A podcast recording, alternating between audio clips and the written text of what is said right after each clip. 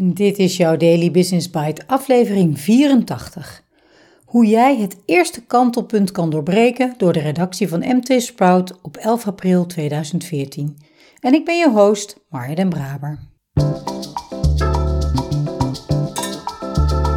Je luistert naar Daily Business Bites met Marja den Braber, waarin ze voor jou de beste artikelen over persoonlijke ontwikkeling en ondernemen selecteert en voorleest. Elke dag in minder dan 10 minuten. Een hele fijne dag en welkom terug bij de Daily Business Bites. Of welkom als je voor de eerste keer luistert. Dit is de podcast waarin ik je de beste artikelen voorlees die je kan vinden over ondernemen en persoonlijke ontwikkeling. Soms een beetje te enthousiast, maar ik kan het niet helpen. Ik houd van het onderwerp en van lezen.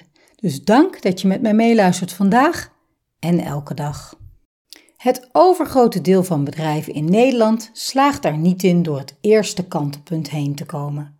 Annegien Blokpoel deed er onderzoek naar onder 250 ondernemers. Zij geeft tips voor ondernemers met groeiambitie.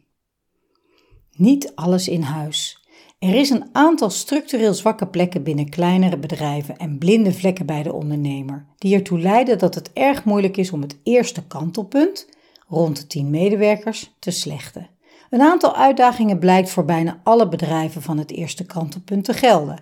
Het is namelijk bijna onmogelijk om als persoon op alle bedrijfseconomische en bedrijfskundige vlakken een expert te zijn.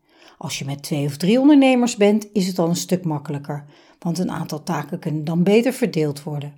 Uit ons onderzoek onder meer dan 250 ondernemers bleek dat bij kleine bedrijven finance en strategie de zwakste plekken zijn. Met name finance is de Achilleshiel van het gemiddelde Nederlandse bedrijf. Tip: bedenk hoe je de organisatorische functies van je bedrijf, de schijf van 5, kan invullen voor jouw bedrijf. Denkertje: wat je al hebt, is niet de uitdaging. Ondernemers geven aan dat ze niet alle specialisten in huis hebben om door te kunnen groeien naar de volgende fase. Lastig, want hoe kun je als niet-vakspecialist goed beoordelen wat de uitdaging is en de vakspecialist of consultant dan goed aansturen? Dit onderwerp komt ook standaard naar boven in al onze rondetafelsessies over groei, organisatie en valkuilen. Het grootste gedeelte van de discussie aan tafel gaat over hoe je met een kleine organisatie een aantal functies slim kan organiseren zonder al te veel overhead. Medewerkers zijn een relatief hoge kostenpost en alle ondernemers worstelen met de vraag hoe ze de goede mensen kunnen vinden en slim kunnen inzetten zonder meteen hele hoge vaste lasten te krijgen. Tip: wat je niet intern in huis hebt en wel belangrijk is in deze fase, kun je of zelf gaan ontwikkelen, opleidingen, of tijdelijk inhuren. Bedenk van tevoren goed wat je wilt en hoe je het succes gaat meten, tussentijds en na afloop. Een slimmer bedrijf begint bij een slimmere ondernemer. Elk bedrijf is anders en elke ondernemer brengt zijn eigen kennis en ervaring mee. De blinde vlek van de ondernemer is daarmee ook de blinde vlek van het bedrijf. Wat heeft het bedrijf nodig bij groei? Meer managementervaring, meer sales- en marketingkennis, meer bedrijfseconomisch inzicht, meer inzicht in de liquiditeitsprognose. Afhankelijk van wat er nodig is en in welke fase het bedrijf zich bevindt, langzame of snelle groei richting de verkoop, kun je een opleidingsplan voor jezelf en je bedrijf maken. De meeste ondernemers hebben geen opleidingsbudget voor zichzelf. Dan is alles ad hoc en zonder context voelt alles duur. Het helpt daarom als er jaarlijks een opleidingsbudget wordt meegenomen. Dit budget gericht besteden aan het ontwikkelen van jezelf en je bedrijf levert veel op. De ondernemers die een budget hebben, besteden hier gemiddeld 3000 tot 10.000 euro per jaar aan. De bedragen verschillen afhankelijk of er één of meer directeuren zijn, de grootte en de groeisnelheid van het bedrijf en de ambitie van de ondernemer. Tip: Jij bent de belangrijkste werknemer van je bedrijf. Bedenk eens welke onderwerpen en vaardigheden dit jaar van belang zijn en welke waarschijnlijk volgend jaar en ga er gericht mee aan de slag. Gezonde ondernemer is key.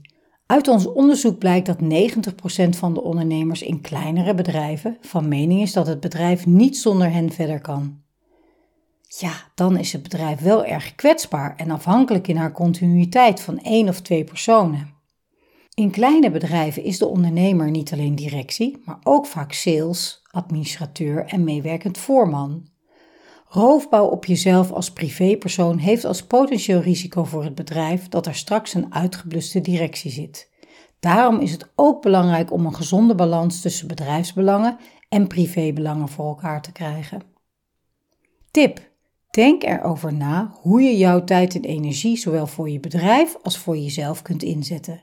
Wat geeft energie in je bedrijf en thuis?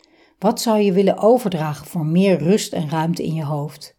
Bouw voldoende rust in voor opladen en reflectie. Vooruitzien loont. Als je weet waar je naartoe gaat en waar je nu bent, is het makkelijker een pad te kiezen. De kunst is en blijft jezelf de ruimte te geven om nieuwe paden uit te proberen en focus te blijven houden op het einddoel.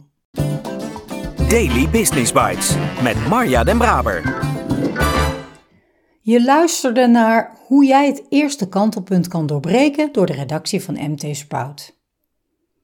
Ik was lekker aan het lezen en ik dacht, ja, kom maar door. Toen het artikel voor mij toch een beetje abrupt ophield. Het is al in 2014 geschreven en het gaat dus over een onderzoek wat al even geleden gehouden is. Maar gelukkig is een whitepaper over dit onderzoek nog steeds op te vragen op de site van Perspexo. Ik heb de link in de show notes gezet. 85 tot 90 procent van alle ondernemingen in Nederland behoren tot de groep waar dit onderzoek over gaat, tot 10 medewerkers. En daarvan lukt het dus maar een heel klein gedeelte om dit kantelpunt te nemen en door te groeien naar het tweede kantelpunt, rond de 20, 30 medewerkers. Als je de vier punten van Annegien kort op een rijtje zet, dan gaan die over: je hebt niet alles in huis. Een slim bedrijf begint bij een slimme ondernemer.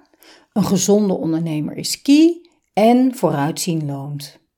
Ik realiseer me dat ik alle punten herken voor de ondernemers die ik samen met Vera begeleid. We kijken onder andere vanuit Clockwork naar de Queen Bee Role, de onderscheidende activiteit van de ondernemer.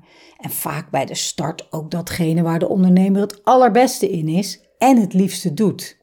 De kunst is zelfs om dan al te kijken naar de Queen Bee Role als een activiteit die dus ook later door anderen gedaan kan worden.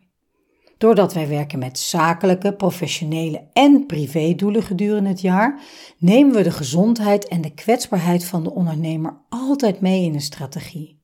Mooi ook dat Annegien in haar onderzoek strategie als Achilleshiel noemt, een onderdeel dat te weinig aandacht krijgt. Nou, niet mooi natuurlijk, maar wel een bevestiging dat de nadruk op strategie en executie binnen ons traject klopt en dat is altijd fijn. Wil je meer over dit onderzoek lezen, dan is het dus nog beschikbaar op de site van Annegien. En wil je meer weten hoe wij jou kunnen helpen bij jouw strategische keuzes en de uitvoering daarvan, stuur mij, Marja, dan een bericht. Ik spreek je graag morgen weer.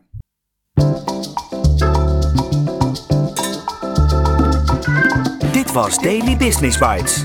Wil je vaker voorgelezen worden? Abonneer je dan op de podcast in je favoriete podcast-app.